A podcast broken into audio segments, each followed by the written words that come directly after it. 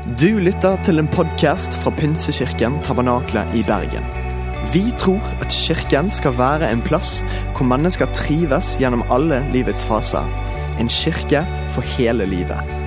Ønsker du å bli bedre kjent med oss eller holde deg oppdatert? Besøk vår Facebook-side eller ptb.no. Her er ukens tale. Jeg skal snakke om et veldig veldig spennende tema. Vi er inne i Guds navn-serien. Eh, hvis du har fått med deg det de siste ukene, hvis du ikke har fått med det, så kan du gå på podkast og sjekke det ut. Det vil jeg virkelig anbefale. Og det Vi gjør er at vi prøver egentlig å snakke om de ulike navnene til Gud.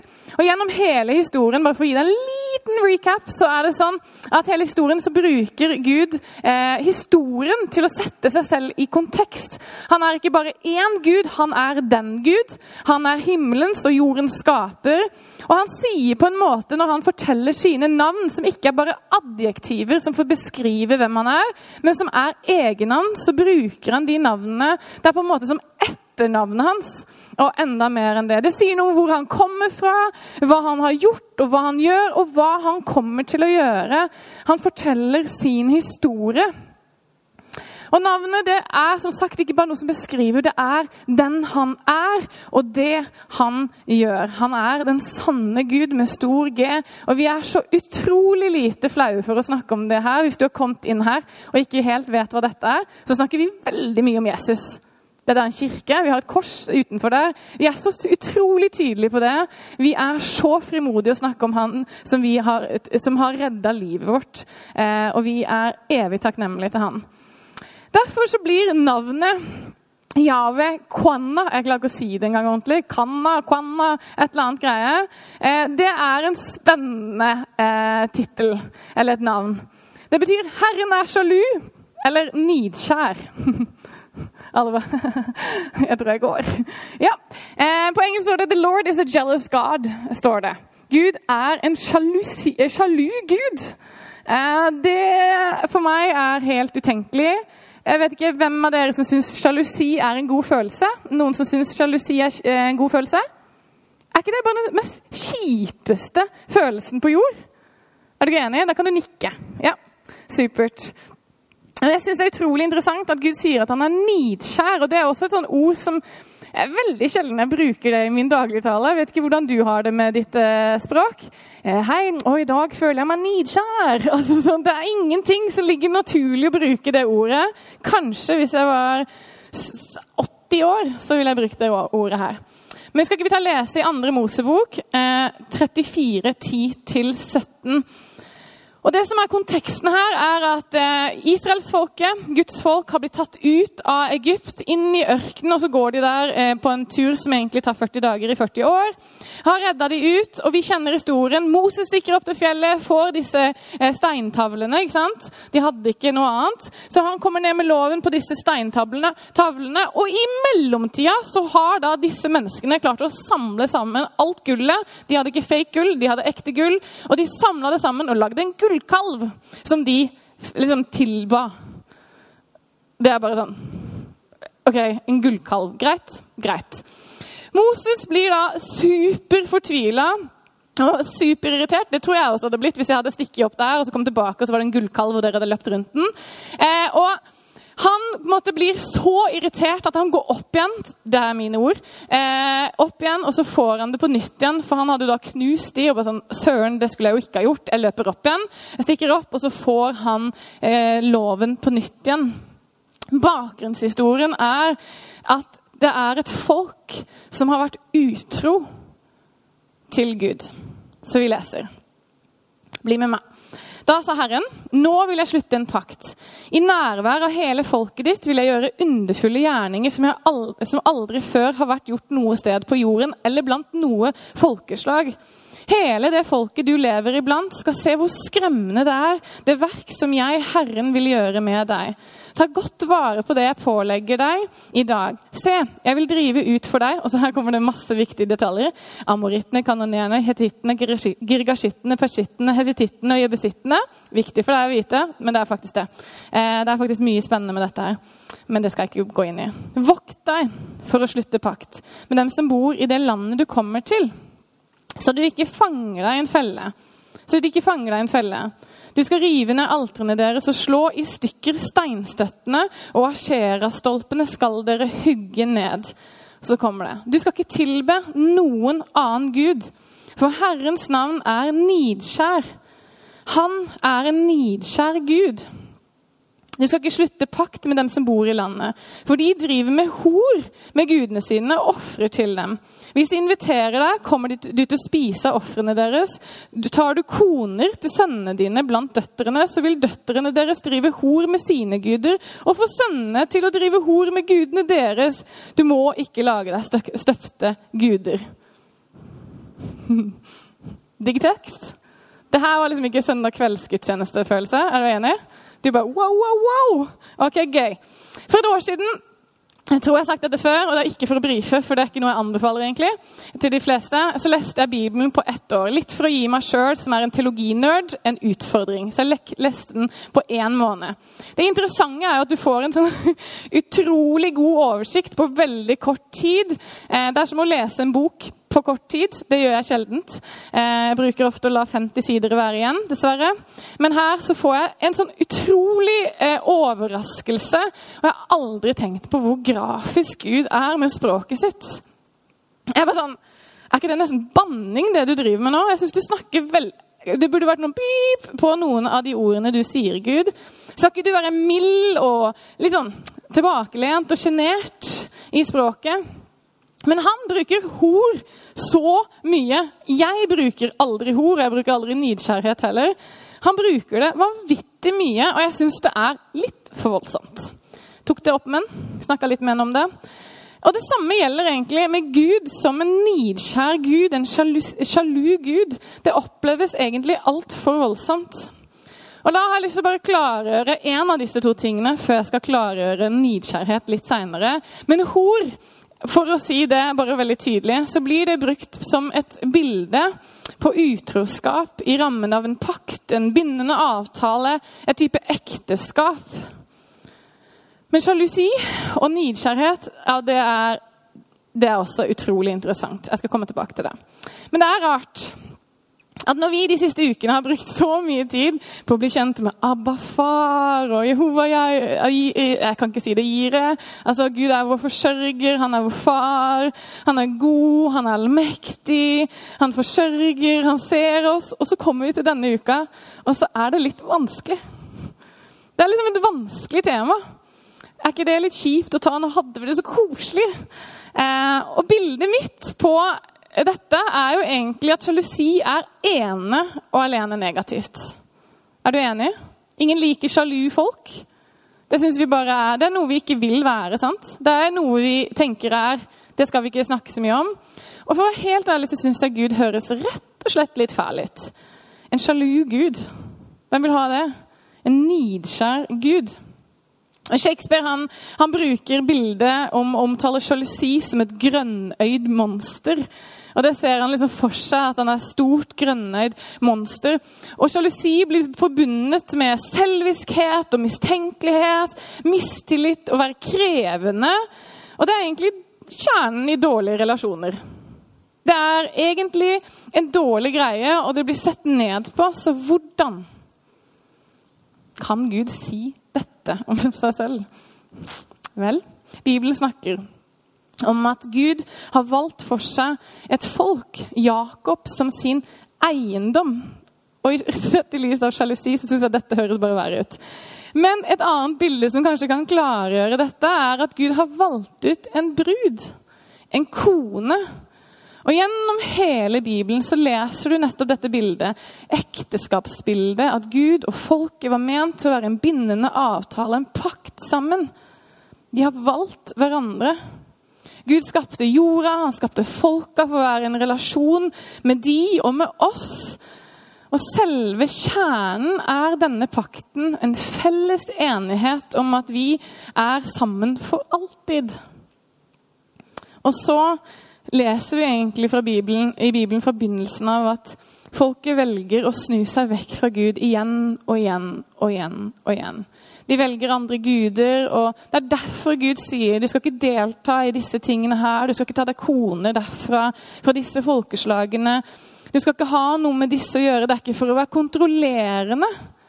Nei, det handler bare om at Gud vet konsekvensen. At vi klarer ikke å ha Gud på førsteplassen. Vi begynner å dele. Vi klarer ikke være monogame. Det blir en form for synkretisme, fagspråk. Eh, så blir det en sånn en de, Vi deler Gud og en annen Gud. Gud og min avgud. Gud sier det. Han sier at dette er det som kalles hor. Utroskap. Og uansett hva VG sier, så er aldri aldri utroskap en god greie. Det ender alltid i sår, i smerte, i, i mennesker som føler, som føler seg tråkka på. Konsekvensene er aldri gode. Uansett hvor liksom, bra det så ut der og da, så, så har ikke VG rett. Det er aldri riktig. Det er smerter for begge parter. Men det at to har valgt hverandre, så ligger faktisk i ekteskapet i bunnen det at man ikke sier jeg, jeg liksom, 'Gi meg selv til deg.' Jo, kanskje hun der. Nei, jeg gir meg til den personen alene for resten av livet. Det er faktisk ikke så rart, hvis du tenker på det, at en mann når han gifter seg med sin kone, tenker at det er helt greit at du ikke skal ha med noen andre å gjøre. Er vi ikke enige om det? Det er, ligger i grunnen av et ekteskap, og da er det oss to for alltid. Du skal ikke være utro.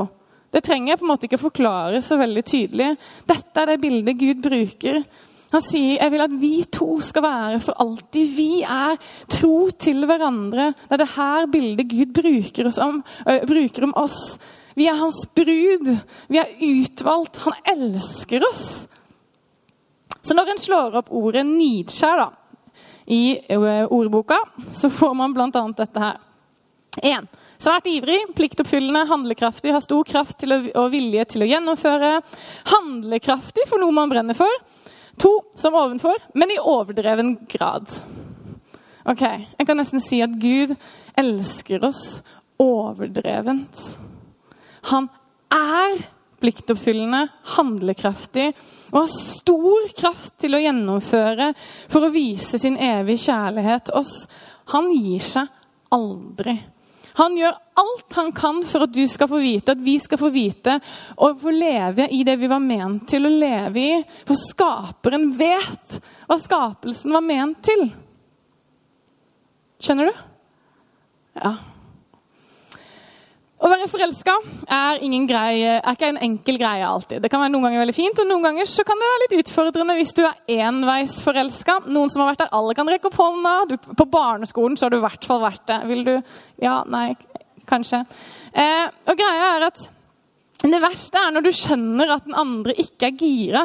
Og du bare tenker at vet du, inni hjertet mitt så bare føler jeg meg så ensom, tråkka på. og liksom, Du bare føler deg helt, helt liten. Altså, Du bare er ikke verdt noen ting, føles det som. Og det siste jeg ville gjort hvis det her var meg, eh, som det aldri har vært, eh, så ville jeg selvfølgelig aldri løpt etter en som løper vekk fra meg. Kan vi bare bli enige om at det kalles stalking? Ikke sant? Bare sånn, Kom igjen, da! Altså, det, det virker bare superdesperat. Og det er det siste man har lyst til å være oppleve som det. Og Jeg kan ikke si at jeg har opplevd det sånn skikkelig. Eh, det vil jeg faktisk ikke si. Kanskje da jeg var liten. Det husker jeg ikke. Eh, men jeg har opplevd, og jeg har ikke opplevd at noen har løpt etter meg. Det, vært, eller det har jeg faktisk på gata en gang, men det er en annen historie. Men jeg opplevde at det var en fyr i Australia, så jeg kan snakke om han. Han forstår ikke norsk. Han bor et annet sted. Han har det bra. Eh, og han ville absolutt eh, på en måte win me over. Altså, det var greia.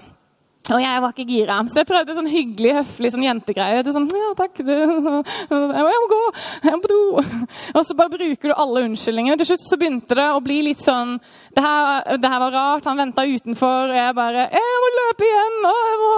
og så til slutt så måtte jeg bare si det sånn. Um, jeg skal til Norge, og du skal være her. Og så skjønte han det ikke. Så jeg bare sånn det er, ikke, det er ikke deg, det er meg. Og så sånn Det kommer ikke til å skje. Og greia er at det er sårende. Det må vi kanskje si uansett, og det er derfor man holder litt igjen. Og Juda, Juda, Juda, Judah Smith, en pastor, forklarte det litt som at Gud er en sånn som aldri gir seg. En sånn hopelessly devoted, forelska, desperat etter oss, sånn som en Justin Bieber-fan som tror at hvis Justin og jeg kommer i samme rom, så vil han selvfølgelig gifte seg med meg. Når han bare får se meg. Og litt sånn føles det noen ganger med Gud. Og en får på en måte lyst til å si, akkurat som jeg sa til Agnes, min kusine, når hun trodde dette Så har lyst til å rope sånn Vet du hva, Gud? Det funker ikke sånn! Skjønner du det ikke? Folket ditt, de folka som du elsker, kommer aldri til å elske deg sånn som du elsker de. Du er altfor ivrig. Men Gud gir seg ikke. Han har kjærlighet i øynene som oser gjennom i hele Gamle testamentet. Så ser du en kjærlighet som er overivrig. Han ser på de de ser bort. Han ser på de de ser bort. Og helt til han må gjøre det som, som må gjøres for at de endelig skal få lov til å skjønne det. At han elsker de. Han elsker oss. Hosea er en, en, profet, en bok i Bibelen, som beskriver på en måte denne overivrige, nidskjære kjærligheten til Gud. Og Han snakker Hosea, på vegne av Gud til israelsfolket, som har da snudd seg igjen fra, vekk fra Gud. Og Bildet Hosea bruker her, er veldig sånn poetisk, og nemlig en manns uendelige kjærlighet til en kvinne som er utro. Igjen og igjen og igjen. Han valgte Gomer. Og Gomer hun er kanskje ikke det optimale koneevne. Hun er litt eh, annerledes enn prostituert. Eh, det er ikke ofte man kanskje går for noen som er utro igjen og igjen. Men i boka her så virker det som Gud bruker denne historien gjennom Mosea for å tydeliggjøre at hans kjærlighet er evig. At han er ektemannen som aldri gir seg, til tross for at han har alle legitime grunner for å få, eh, søke om skilsmisse eller bryte pakten med sitt folk. Men boka forteller om en gud som har redda sitt folk ut av Egypt og inn i løfteslandet. Og gir de alt de trenger og mer enn det, for så å gjense sin brud, sin kone, sitt folk. Tilbe Gud og Ball. De oppholdt ikke sin del av pakten. De behandla ikke mennesket godt. Sosial rettferdighet som de hadde det liksom beskjed om å elske dette og elske mennesker. De gjorde ikke det de skulle gjøre. De gjorde det som var vondt i Guds øyne. Og om ikke det var nok, så satte de sin lit til de politiske maktene rundt seg, av Syria og Egypt. Egypt, der de hadde blitt redda akkurat ut av slaveri. Er ikke det rart? Og Gud vet at hvis de putter sin lit til dette, de politiske maktene, så vil de ende opp med å bli slaver igjen enn da Gud hadde satt de fri. Gud godtar ikke delt troskap, for han vet at konsekvensene er for store.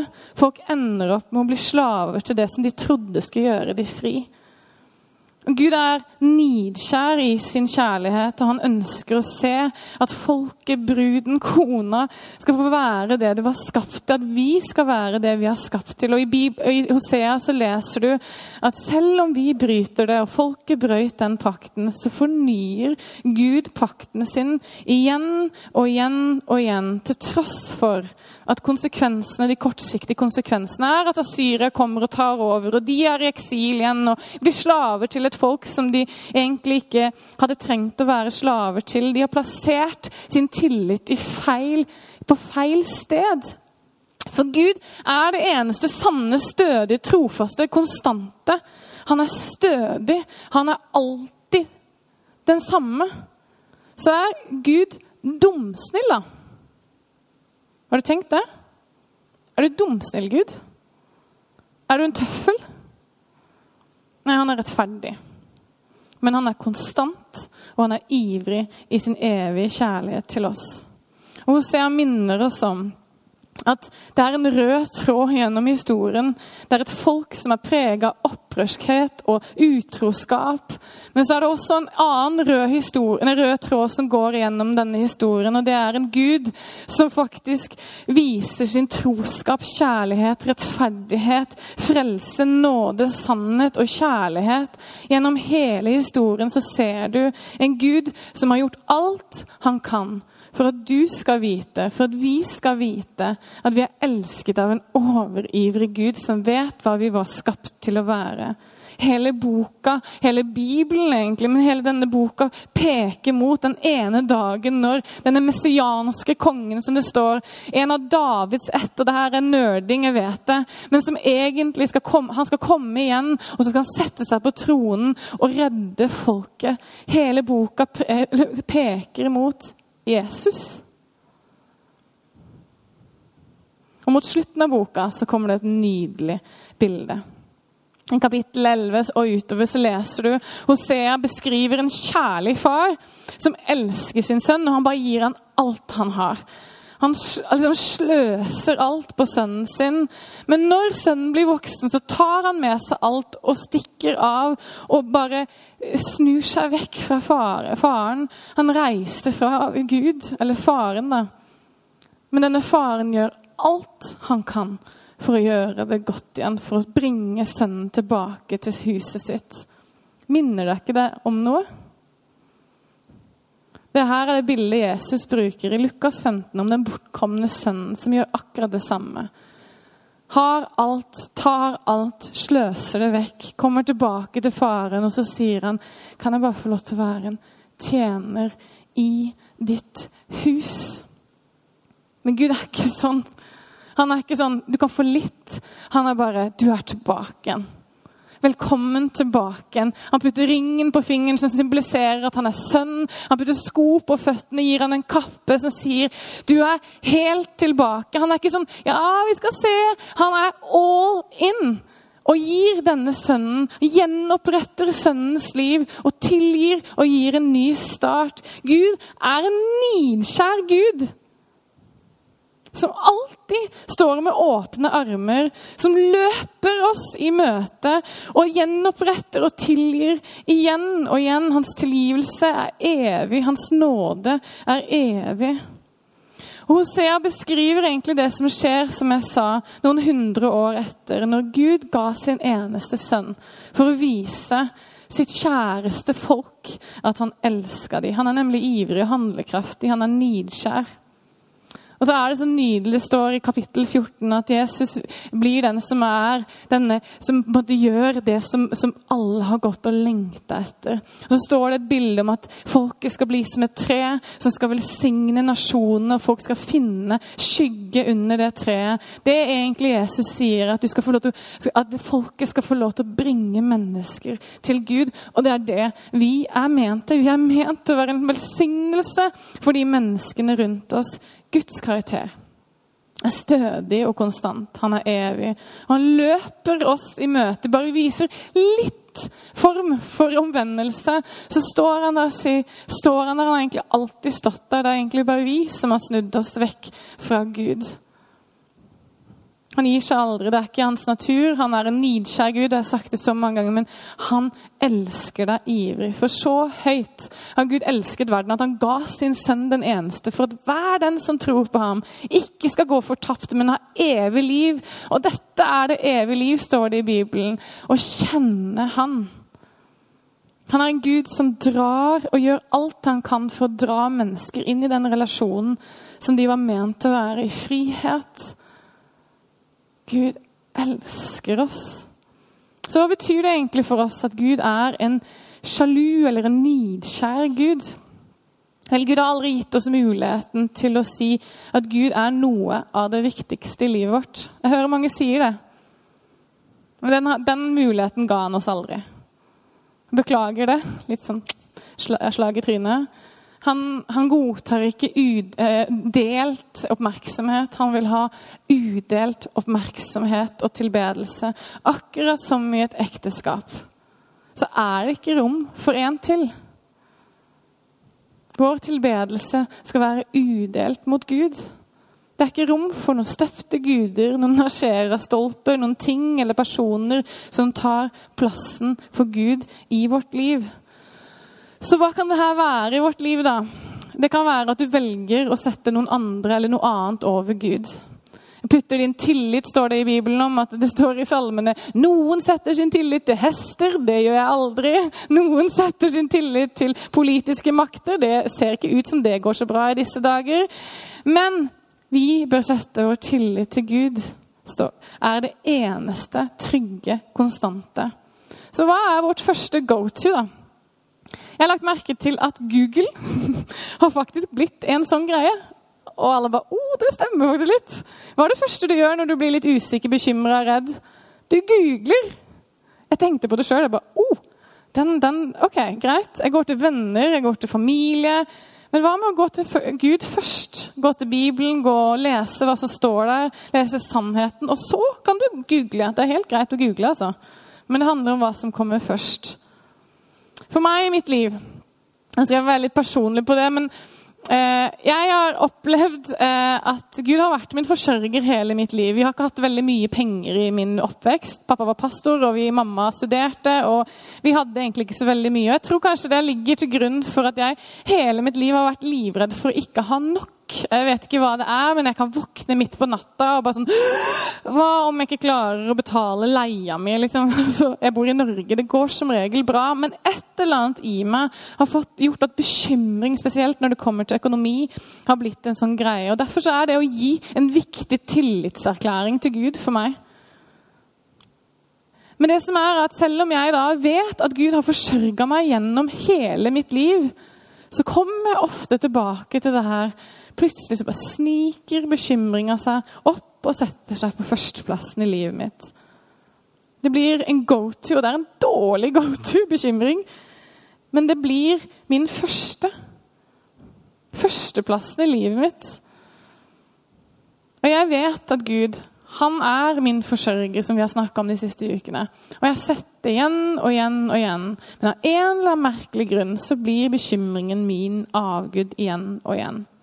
Gud blir på en måte den siste løsningen og ikke den første løsningen. Ikke den første jeg går til når jeg har en utfordring. Så hva er, det, hva er det, og hvem er det du deler deg selv med? Hva og hvem er dine avguder? Hva er det du tendenserer å sette før Gud? Det kan være spørsmål du kan bruke for å granske litt grann hjertet ditt. Men kan jeg bare si en liten disclaimer til slutt her? Du kan få lov å reise deg opp. Er det at Gud, han er ikke effektiv. Det er ikke hans navn. Det står ingen steder at Gud er en effektiv Gud. Selv om jeg liker å være effektiv, så er ikke Gud en effektiv Gud, for han valgte å bruke oss. Og Historien er lang og langdryg. Han brukte 400 år å, fra den siste profeten til Jesus kom. For meg høres ikke det effektivt ut, og jeg hadde valgt en annen løsning, men jeg er heller ikke Gud, og takk og lov for det.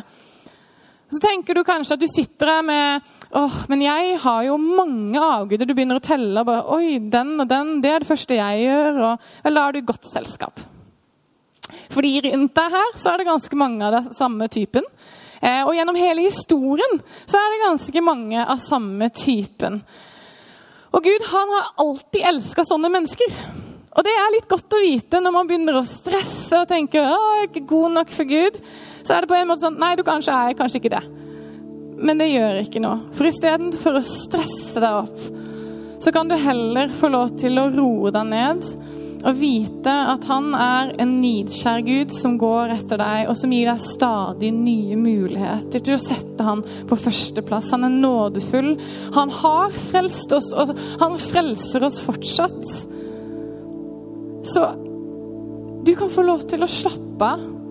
Og så kan du få lov til å bruke tida i kveld på å tenke hva er det som har kommet der? OK, det kan gå ned der.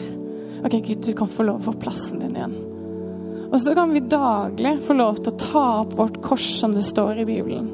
Det betyr, det er en grunn til at det står 'daglig ta opp ditt kors'. For daglig trenger jeg si 'du er førsteplassen'. Ikke bare når jeg føler det, ikke når det virker som det mest riktige, men du er førsteplassen. Hver dag setter du Gud på plass igjen Det er en grunn til at det står 'daglig ta opp korset ditt'. Legge ned det som tynger deg, det som preger deg, det som tar eh, konsentrasjonen din eller fokuset ditt. Og så kan du igjen og igjen få lov til å gi han alt. Og så kan du få lov til å bli evig takknemlig for at vi har en sånn stor Gud som trekker oss inn når vi dytter han ut. Som står med åpne armer når vi snur oss vekk. Og når med en gang vi snur oss tilbake til den, så står han der med kjærlighet som oser i øynene. Han kommer og løper, løper oss i møte. Bibelen handler nemlig om denne ene historien. Om en Gud som elsker oss så mye at han gjør hva som helst for at vi skal vite det så sender han sin sønn for å dø på et kors. Og ikke bare dø, men stå oppen for alt det som fort kan bli din avgud, eller ting som kan ta ditt fokus. Og gir deg en ny sjanse, et nytt liv, for å kunne være i en relasjon med han for evig. Han elsker oss så mye. Han ofra alt for en gjeng som kanskje ikke skjønte det engang. Det er en risiko i å være så ivrig og nidkjær som det Gud er. Å gi alt og være all in når den andre parten kanskje ikke gjør det. Det er en risiko her. Men Gud er all in. Så det som er så nydelig, er at det er ikke du som trenger å være redd for Han. Han er evig, stødig, konstant, alltid til stede. Så er det bare for deg å snu deg igjen mot Han og si jeg legger ned det her, og jeg tar imot det du har for meg.